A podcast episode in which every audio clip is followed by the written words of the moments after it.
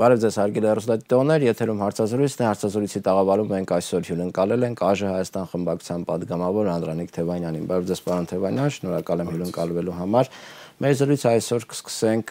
Նիկոլ Փաշինյանի, այնուհետև նաև քաղաքացիական պայմանագիր խմբակցության падգամավորների կողմից ընդդիմության հասցեին հնչեցվող մեղադրանքներից, հա, մի կողմից ամենաբարձր մակարդակով Նիկոլ Փաշինյանը ազգային ժողովի ամբիոնից մեղադրում է ընդդիմությանը Ադրբեջանի հետ համագործակցելու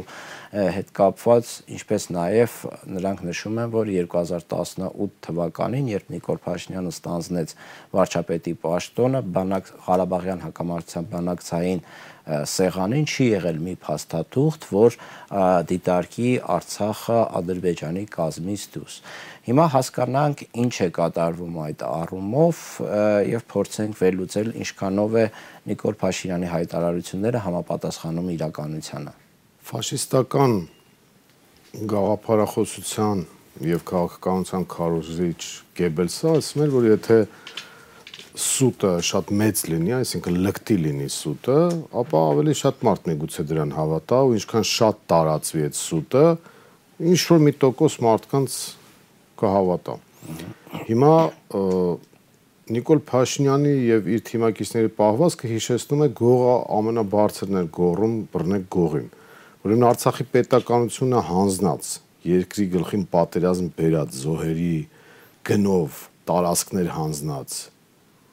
եւ թուրք-ադրբեջանական տանդեմի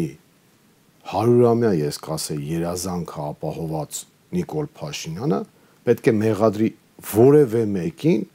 այդ թվում ընդդիմությանը թե իրենք իբր թե համագործակցում են դրսի հետ դա բնականաբար անհեթեթություն է եւ մեր հասարակության մեջ ճիշտ հակառակ տեսակետը կա համաձայն որի Նիկոլ Փաշինյանը իրականացրել է նախապես պլանավորած դավաճանական գործողություն եւ երկրորդ տեսակետն այն է որ դա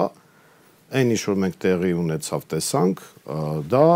հիմարության տգիտության հետևանք էր այսինքն իրենք պետք է այս մեղադրանքներից դուրս գան այլ ոչ թե մեղադրեն այլոց եւ մենք փաստերով պետք է արձանագրենք որ այս իշխանությունները ձեռնտու են ու շարունակում են ձեռնտու մնալ Թուրքիային ու Ադրբեջանին։ Հիշեք օրինակ նույն շարժման օրերին նոյեմբերի 9-ից հետո, երբ որ Հայաստանի ռազմական իշխանավորները, ռազմական գերատեսչության ներկայացուցիչները հրաժարականի պահանջով հանդես եկան Նիկոլ Փաշինյանի, այդ պահանջից ժամեր անց Թուրքիան բացահայտորեն եւ պաշտոնապես հայտարարեց, որ ինքը դեմ է որպեսզի Նիկոլ Փաշինյանը հեռանա եւ դեմ է ռազմական հեղաշրջմանը։ Այսինքն պաշտպանեց Նիկոլ Փաշինյանի իշխանությունը։ Պաշտոնապես պաշտպանեց ավելի շուտ, քան Ադրբեջանը։ Դրան հետո միացավ Ադրբեջանը, Ռուսաստանը չեզոք պահեց իրեն։ Եվ մենք տեսանք, որ փաստացի պաշտպանության տակ է եւ բնական է, որ պաշտպանության տակ պետք է լինի, որովհետեւ մենք հաղթած կողմից վերածվեցինք ոչ միայն պարտված, այլ բսկտված ու թուլացած վիճակում գտնվող կողմի։ Ինչ վերաբերում է ձեր նշած երկրորդ հարցին, այսինքն Արցախի կարգավիճակի հետ կապված, Արցախի կարգավիճակի հետ կապված, դա հերթական լկտի սուտն է եւ այդ սուտը իշխանության կողմից ներկայացվում է, որպեսի հիմնավորվի, արդարացվի իրենց արածն ու անելիքը իրականում մադրիդյան սկզբունքները այն երեք սկզբունքները, որոնք արձանագրվել են 2007 թվականին, եւ մինչեւ 2020 թվականի աշունը, ինչպես որ Ռուսաստանի արտգործնախարարությունն էր պաշտոնապես հայտարարել, մինչեւ 2020 թվականի աշունը այդ սկզբունքները ենթադրել են ուժի չկիրառում,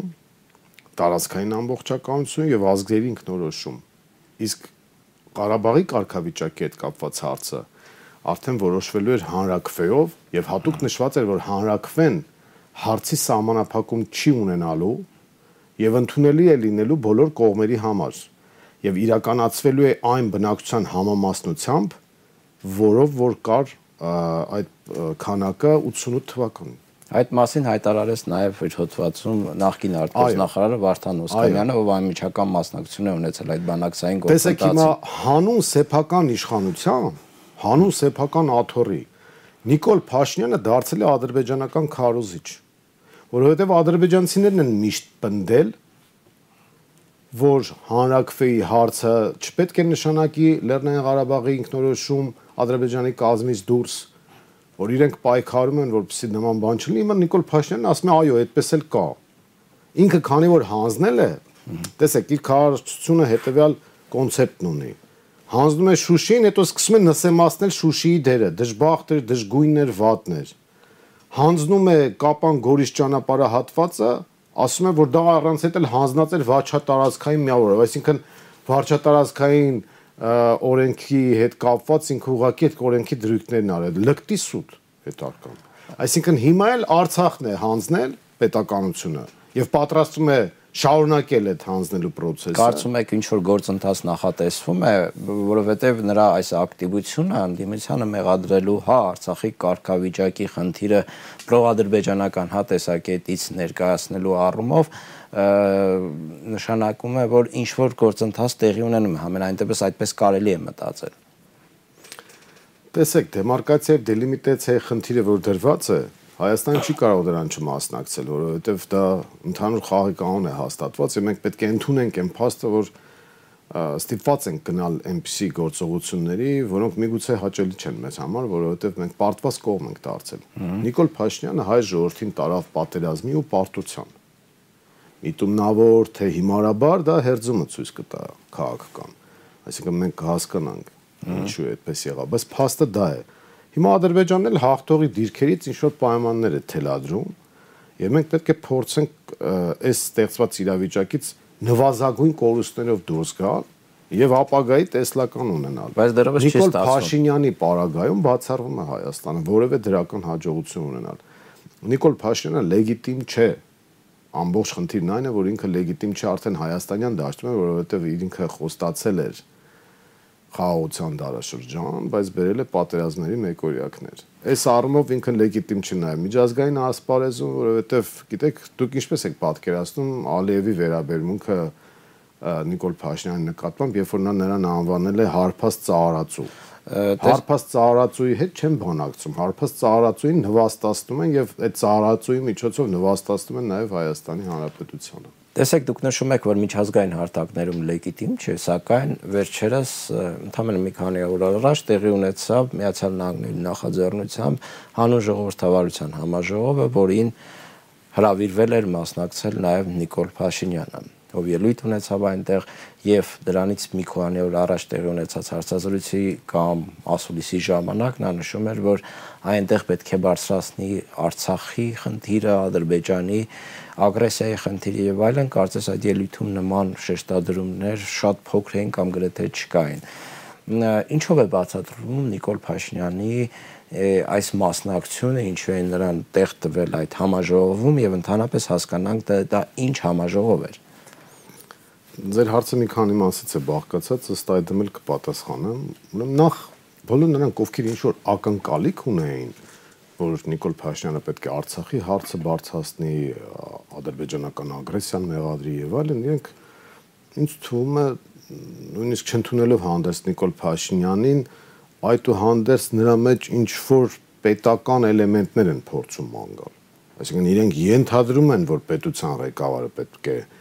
Հայաստանի ու Արցախի շահը ներկայացնի ցանկացած միջազգային հարթակում եւ հիմա հիասթափված են, ջղայնացած են, որ դա տեղի չի ունեցել։ Ես այդպիսի սպասում չունեմ։ Ինչու։ Ասեմ, որովհետև Նիկոլ Փաշինյանը բացառապես ու միայն իր սեփական աթոռի խնդիրն է լուծում եւ Նիկոլ Փաշինյանը հանուն սեփական աթոռի զբաղվում է աշխարհակաղակական մարմնավաճառությամբ։ Սա ես ուզում հստակ արձանագրել, որ Նիկոլ Փաշինյանի համար չկա ռուսամետություն, արևմտամետություն, հայամետություն, թուրքամետություն, ադրբեջանամետություն, ինքը միաժամանակ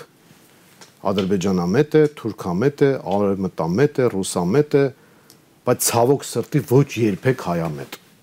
Նա հայամետ խաղում է մնացած առումներով ինքը կարող է պայմանավորվել այս կամ այն կենտրոնի հետ հանուն սեփական աթոռի նույն Սյունիքի միջանցքից են խոսում թուրքերը։ Եթե Նիկոլ Փաշինյանը իմանա, որ Սյունիքի միջանցքը հանձնելով պահելու է իր աթոռը, ինքը կհանձնի այդ միջանցքը։ Եթե զգում է, որ այդ միջանցքը հանձնելով խնդիրներ է ունենալու աթոռի հետ կապված, ինքը հայրենասիրություն է խաղալու։ Նիկոլ Փաշինյանը ես ուզում հստակ արձանագրել, որ ընդամենը լուծում է իր աթոռի խնդիրը։ Հիմա մասնակցությունը այդ ժողովրդավարության ֆորումին ակնհայտ է, որ Սովետ միության փլուզումից հետո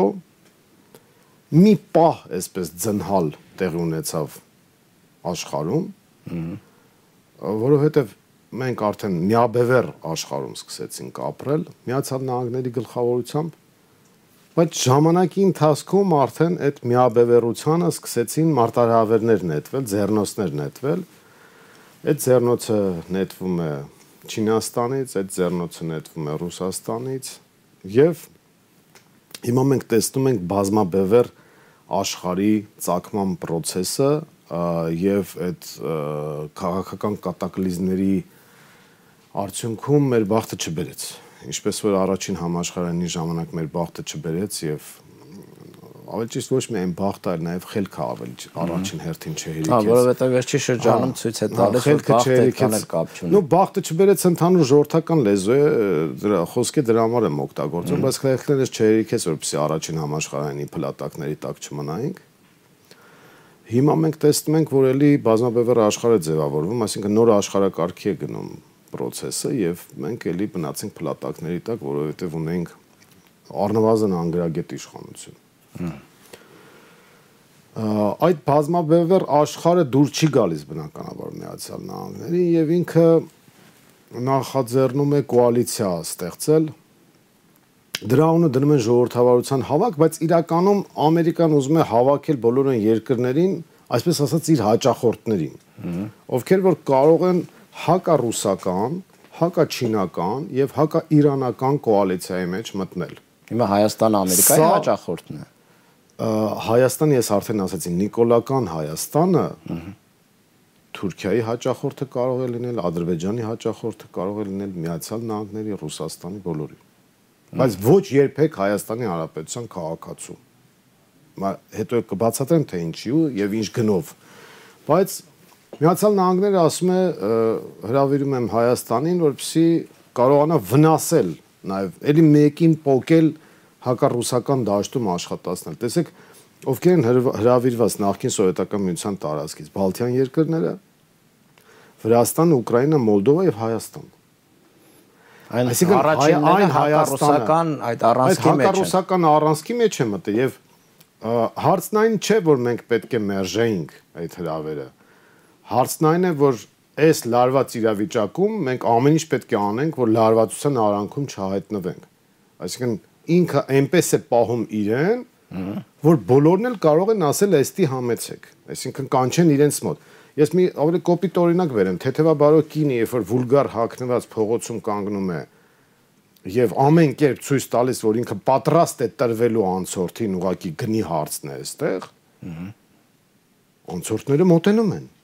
Այսինքն այլ կնոջ չեն մոտենա, չեն անպարկեշտ առաջարկանի փողոցում, բայց կան փողոցում կանգնած փողոցային թիթեռնիկներ, որոնք իրենց ամեն բան այսպես դրսևորմամբ ցույց են տալիս, որ իրենք պատրաստ են մարմնավաճառությամբ զբաղվել։ Աշխարհակաղակական մարմնավաճառությունը դա նշանակում է, որ ես պատրաստ եմ օգտագործվել քո հակառակորդի, քո շահերի համար մի բանի համար աթոռը սպահեմ։ Ինչպես որ փողոցային մարմնավաճառն է մի բանի համար, փողի համար իր մարմինը վաճառում, Այս դեպքում մենք գործ ունենք մարդու հետ, ով աթոռի համար է ամբողջ Հայաստանի Հանրապետության մարմինը վաճառելու պատրաստ։ Ուղղակի տարբերությունն այն է, որ այդ մարմնավաճառները երբեմն կարող են անվճար իրենց հաճույքի համար երևի թե տրվել։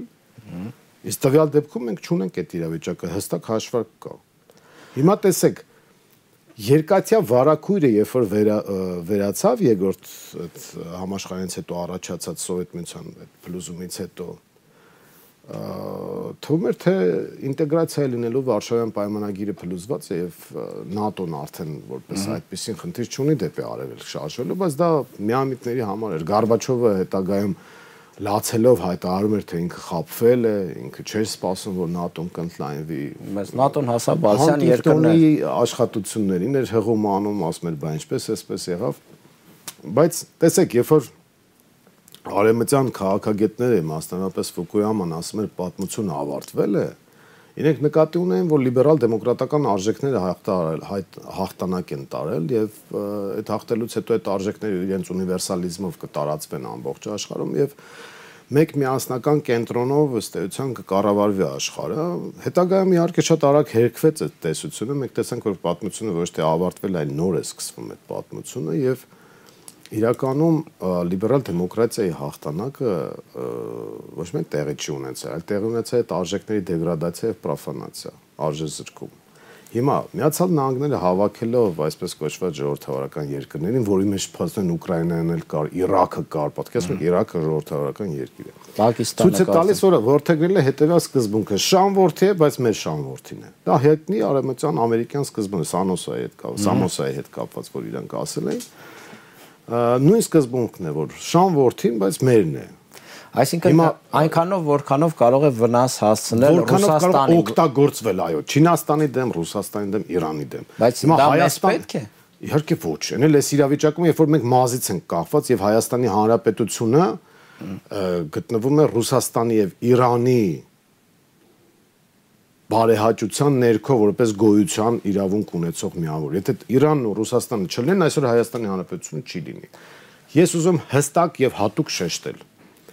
Միացյալ Նահանգները եւ ընդհանրապես Արևմուտքը, Բրյուսելը, Եվրոմիությունը ոչ թե մեր ճշնամիներն են, ճիշտ հակառակը, մեր բարեկամներն են, մեր դաշնակիցներն են, մեր գործընկերներն են եւ իրենք շատ կարեւոր նշանակություն ունեն Հայաստանի զարգացման եւ անվտանգության ապահովման համար։ Բայց մենք կարևորագույն ռազմաքաղաքական դաշնակից ունենք իդեմս Ռուսաստանի, ռազմավարական բարեկամ եւ հարևան ունենք իդեմս Իրանի եւ չպետք է կողմերից որևէ մեկին թույլ տանք կասկածել եւ անվստահություն ունենալ մեր հանդեպ։ Մենք պետք է ամեն ինչ անենք, որ արևելք արևմուտք հակադրությունները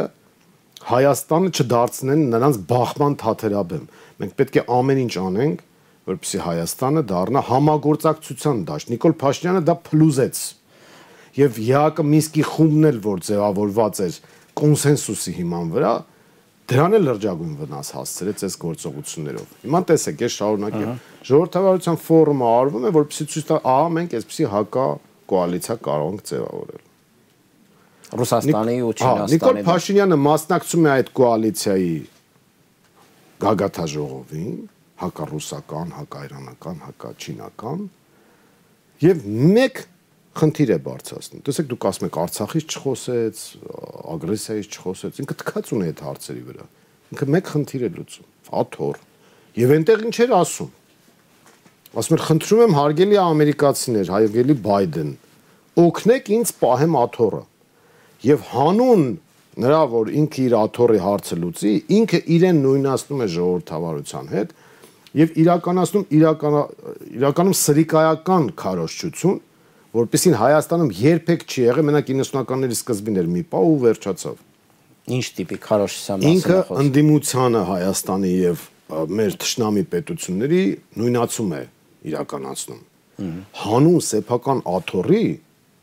այդպիսի բան արել են իր ժամանակին Ելցինը եւ Գորբաչովը։ Երկուսն էլ փլուզողներում են հայտնի մեկը կոմկուսը փլուզեց, մյուսը պետությունը փլուզեց։ Ելցինը հանուն իր իշխանության գալու գնաց Բելովեժյան համաձայնագրի, այսինքն փլուզեց սովետական միությունը, որպեսզի ինքը առանձին վերցրած մեկ Ռուսաստանում դառնա նախագահ։ Հետո Ռուսաստանում էլ էր ուզում արդեն մնար աթոռին, բայց խնդիրներ էր առաջացել տեղական ավտոնոմիաներին Թաթարստանին, Բաշկիրիան եւ այլն ասում են վերցեք այնքան ինքնավարություն, որքան կարող եք։ Այսինքն արդեն Ռուսաստանն էր փլուզում հանուն իր աթոռի։ Պուտինյան իշխանությունը եկավ եւ կանգնեցրեց այդ փլուզումները, որովհետեւ Ելցինը հանուն Կրեմլում նստելու իր իրավունքի հանձնում էր ամբողջ Ռուսաստանի շահերը։ Գարբաչովն էլ այնքան թեթև սոլիկ եւ པարզունակ մարդ էր, որ հանուն համաշխարհային ինչ-որ հրճակի, հանուն համաշխարհային ինչ-որ process-ների փլուզեց Վարշավյան պայմանագիրը, փլուզեց Բերլինյան պատը, փլուզեց սովետական միությունը եւ ըստ էության դարձավ այն վերջի մեծ խփողը, որը մեծ հաշվով ռուսական շահերի դեմ էր։ Այսինքն օրինակի տեսակետից ես ուզում եմ ասել, որ Նիկոլ Փաշինյանը հանուն սեփական աթոռի պատրաստ է գնալ եւ ներսը քանդել երկրի հերթական պարակտումը մտցնել եւ ամերիկացիներից խնդրել աթոռ։ Եվ ես մի բան այդ ամերիկացիները ինչպես են այդ աթորը տալու դուք նշում եք որ պահեն հա, հա ինքը մտածում է որ դե ամերիկացիները խնդրեմ չգիտեմ փող տան որպեսզի կարողանա աթորը պահի երևի ցանկացած տեղ ինքը իմ ադրբեջանցիներն էլ տեսեք ըստ էության Նիկոլ Փաշեն արդեն այդ этаպներով անցել է եւ հիմա շարունակում է անցել ինքը վախ ունի շատ հասկանալի վախ ունի որ կորցնելով իշխանությունը կարող է կանգնել խնդիրների առաջ այն արհավիրքն ու ողբերգությունը, որ ինքը բերել է, ես իրեն հասկանում եմ մարդկանյորեն։ Ինքը վախերում է կորցնել իշխանությունը։ Մենք նախ իր վախը պետք է բռնենք։ Ինչ առնով։ Այն առումով, որ ասենք, որ որոշակի process-ներ են լինելու, դու այդպես մի վախեցիր Սամասուդից։ Ինքը Սամասուդից է վախենում իշխանությունը կորցնելուց է վախենում, որովհետև նախ անձնական անվտանգության խնդիր կունենա եւ երկրորդը այս իշխանությունը դեմս իրեն եւ իր նեղ շրջապատի հսկայական կապիտալը կուտակի արդեն։ Իրենք վախենում են այդ կապիտալը կորցնելուց իրենց մոտ հիմա կապիտալի նախնական կൂട്ടակման process է եւ իրենք վախենում են իշխանությունը կորցնելուց դա կորցնել։ Դա աշխատավարձով ու ապարքեվավճարներով է գոյացել։ Ոչ միայն, չէ, ասֆալտի օլիգարխներ են դարձել, արդեն հսկայական գումարներ են պատտեստում տարբեր բիզնեսների մեջ են մտել։ Դա միգուցե արդեն իսկ կարծում բոլորն էլ արդեն նկատում են։ Ես մի բան կուզենայի հստակ ասել, Եվ ես ձեր թույլտվությամբ մեր հերոստատիտողի հետ սա խոսեմ։ Ուրեմն Նիկոլ Փաշինյանը հարգելի արենակիցներ ինքը առևտրի մեջ է մտնում բոլորի այդ թվում ձեր հետ բայց ձեզ ամենաշատն է խափում եւ ամենակիչն է հակված որևէ գործողություն իրականացնել ի օգուտ ձեզ ինքը ձեզ խոստացավ խաղաղության դարաշրջան բայց ամենօրյա պատերազմների դարաշրջան է բացել այսինքն ինքը ձեզանից մուրած աթոռը ընտրությունների ժամանակ եւ խափեց ձեզ հիմա տեսեք ինչ է կատարվել նախկինում եւ հիմա էլ ինչ է կատարվում Ադրբեջանից ինքը 18 թվականից սկսած խնդրել է ժամանակ, որպիսի իր իշխանությունը ներսում ամրապնդի եւ դիմացը հանձնի Արցախի տարածքները։ Այս մասին հայտարարել էր Ալիևը, որի պատասխանը նա չտվեց։ Նա խոստացել էր, որ պատասխանելու է հմեկի եթերում հարցազրույց տվեց եւ ասաց, որ ես կպատասխանեմ, այդպես էլ չպատասխանեց, մինչև հիմա չի պատասխանում։ Այսինքն ինքը աթոռ խնդրել է Ալիևից ու ժամանակ է ստացել ինքը աթոռ պատրաստ է խնդրել Թուրքիայից փոխարենը հանձնելով հայոց ցեղասպանության միջազգային ճանաչմանը պետականորեն հետապնդելու խնդիրը եւ նրա գաղափարական այդ առումով աջակցում է Ժիրայ Լիպարիցյանը, որի հետ ինքը համահունչ աշխատում եւ դրա համար Էրդողանից խնդրել է հանդիպում։ Ես համոզված եմ միակ խնդիր իր աթոռի խնդիրն է։ Սահմանները բաց, այսպես փորձեն ներսի դաշտում Հայաստանի քաղաքացուն խափել ասել, լավ է սապրելու որոշակի ժամանակ ձգել Էրդողանից աթոռ վերցնել։ Ամերիկացիներից նա նույնպես աթոռ է խնդրում եւ ասում է պատրաստ եմ օգտագործվել ռուսների դեմ, ռուսներից էլ է աթոռ խնդրում, ասում է պատրաստ եմ օգտագործվել արեմտա-թուրքական աշխարհի դեմ, բայց ելի սկսում է տարբեր խաղեր խաղալ։ Սա խոսում է այն մասին, որ Հայաստանի Հանրապետությունը Նիկոլ Փաշինյանը հանել է աճուրդի հանուն իր աթոռի։ Սա փաստ է, որը պետք է արձանագրել։ Ալիևից, ես կրկնեմ, Ալիևից ինքը խնդրել է ժամանակ Դա պաշտոնապես հայտարարվել է Ալիևի կողմից եւ չի հերկվել, պատասխան չի տրվել, եթե չգնաց են հարցազրույցը, որը պետք է գնար սեպտեմբերի 26-ի հարցազրույցը պատերազմից 1 օր առաջ պետք է լիներ, բայց չեղավ, հետո ասես դե պատերազմը եղել է, ասում են դե հիմա հրաապարակի, ասում են չէ դե կապ չունի, ես հետո բան կանեմ, արդեն էական չի, մենք հիմա գնում ենք խաղաղության։ Ոչ մի խաղաղությանը չեն գնում։ Պարոն Թևանյան, տեսեք, հիմա քարոշչական դաշտում, հա, այդ համաժողովի մասնակցել այդ պրոարևմտյան դիրքորոշումը եւ այլը ներկայացվում է հետեւյալ կերպ։ Ռուսաստանը, Իրանը նաև այդքան էլ լավ դաշնակիցներ չեն, հետեւաբար մենք պետք է փնտրենք դաշնակիցներ այլ տեղերում, հա, ասենք Ամերիկա, Ֆրանսիա, Եվրոպա, հետեւաբար սա ոչ թե ես ներկայացնում եմ քարոշչական կոդերը, որ հիմա տարածված են, մենք պետք է այնպես անենք, որպիսի բալանսավորենք մեր շահերը, գտնենք ավելի լավ դաշնակիցներ, որպիսի կարողանանք դիմակայել այս բարդ տարածաշրջանում։ Նման միտում կա, նկատում եք իշխանությունների գործողությունները։ Ան որ հակառուսական քարոզ իրականացնում է Նիկոլ Փաշինյանը եւ նաեւ այն ուժերը, որոնք բացահայտ պրոթուրքական դիրքորոշում ունեն, դա փաստ է։ Մենք հիշում ենք նոյեմբերի 16-ից հետո ազգային ժողովում հերակառավարման վահանակի միջոցով ինչպես էին ԿՊԱ-կանները դարձել հակառուսականության քարոզիչներ, երբ որ դրանից օրեր առաջ կամ ընտրությունների ժամանակ երթվում էին, որ իրենք ավելի ռուս են, քան ռուսները։ Այսինքն այս առումով Նիկոլ, այս առումով էլ Նիկոլ Փաշինյանը լեգիտիմ չէ, որովհետև խափել է Հայաստանի քաղաքացուն ասելով, որ ես հայ-ռուսական հարաբերություններում այլևս արկածախնդրության չեմ գնա։ Հիմա նրանք ովքեր որ քարոզում են արևմուտքի կողմից ռուսներին գցել եւ գնալ դեպի արևմուտք, Դա ասում են լավ դաշնակից չի օգնում։ Առնվազն միամիտներ են, իսկ իրականում թուրքամետ ուժեր։ Տեսեք, պետք է հստակություն դնել։ Արևմուտքը ոչ թե մեր հակառակորդն է, այլ արևմուտքը ճունի այդ գործիքակազմը, որպեսզի այստեղ ապահովի անվտանգություն։ Եթե ռուսական ռազմաբազան հանում ենք, ռուսներին այս տարածաշրջանից հեռացնում են, գալիս է Թուրքիան, դա բացահայտ է, ակնհայտ է, եւ միայն կատարյալ հիմարը դա չի ընկալում։ Այսինքն 8 րոպե հետո ամերիկյան զորքերի հայտնվելուն չեք հավատում։ 8 րոպե հետո Հայաստանի Հանրապետությունը կվերանա, եթե հանգարց Ռուսաստանը եւ Իրանը որոշում կայացնեն, որ այլևս որպես ռազմավարական դաշնակից գործընկեր եւ բարեկամ չեն տեսնում Հայաստանի Հանրապետություն։ Ցավոք այդպես է իրավիճակը։ Նույն Արցախյան պատերազմի ժամանակ եթե ռուսական միջամտությունը չլիներ, Նիկոլական իշխանությունը ամբողջությամբ հանձնելու էր Արցախը։ Ես կարծում եմ, որ մեր գլխավոր խնդիրը այսօր իշխանապողություն իրականացնելն է եւ աշխարհակաղակական մարմնավաճառությունը կանգնեցնելն է։ Պարոն Թևանյան, վերջին հարցը եւ ավարտենք։ Ազգային ժողովում քննարկվում է, հա, դրվելու է Ալեն Սիմոնյանի հրաժարականի հարցը։ Դա ինչով է պայմանավորված։ Միայն գերիների խնդրով, թե այլ թեմա կա։ Ճիշտ ասած, երբ որ զոհերի ու գերիների անհետ կորածների ծնողներին, հարազատներին հանդիպում ես, հայտարարում ես, որ գիշերը չես քնում, եւ մտածում ես միայն այդ ամեն ինչի մասին, հետո գնում ես կասկածելի կոռուպցիոն ռիսկ պարունակող Միկոնոսյան ժամանցի եւ այդ հոգեվիճակը քո իրական ցույց ես տալիս։ Ցանկացած առողջ եւ նորմալ հասարակության մեջ այդ մարդը պետք է հրաժարական տար դրանից հետո բայց դա չեղավ, որովհետև գիտեք ինչ, եթե Նիկոլ Փաշինյանն է այս արհավիրքից հետո մնում եւ այսպես երեսը զոր դարձրած այսպես աթոռը պահում, ապա մյուս իր թիմակիցները նույնպես կարող են ասել, բայց մեզ ինչ է եղել, որ ամբողջ խնդիրն այն է, որ իրենք իրոք չեն ընկալում, որ Արցախի հետ կապված ողբերգություն են բերել Հայաստանի Հանրապետության գլխին եւ խաղացել են մեր պետականության ճակատագրի հետ։ Այդ չհասկանալն է, այդ մարդկանց անհամապատասխանությունն է իրենց պաշտոններին վերում նրան, որ իրենք չեն հրաժարվում այդ աթոռը։ Երկրորդը գերիների հետ կապված խայտարակ հայտարարությունը, որը արվում է, հետո փորձեցին ներկայացնել, որ ես իրականում սա եմ ասել, նա եմ ասել, բայց կապ չունի, ինչ եք բերել հասցրել նրան, որ գերիներին պետք է թողնեք Ադրբեջանում, որ Սիսիանը պահեք, Սյունիքը պահեք։ Այսինքն դուք այս վիճակին հասցրել եք, հիմա էլ ասում եք, թե գերիներին այսպես չանենք, այնպես անենք, եւ դա իրականում Հայաստանի Հանրապետության քաղաքացու դեմ անհարգալից եւ շատ վտանգավոր վերաբերմունք է բանակը փլուզող հերթական քայլերից մեկն է նիկոլական իշխանության։ Ես Ալեն Սիմանյանին չեմ համարում գործոն սուբյեկտ։ Ուղղակի ինքը դետալներից մեկն է, մտավյալ դեպքում պետք է process։ Դա ավելի շատ մեր կողմից քաղաքական վերաբերմունք ու գնահատական է, քան կոնկրետ պաշտոնյայի պաշտոնանկության խնդիր, եթե ինքը արժանապատվություն ուներ, վաղուց պետք է անան, բայց թե արժանապատվություն պահանջել Նիկոլից եւ իր թիմակիցներից, ճիշտ ասած, միամտություն է եւ երրորդ ամենակարևորը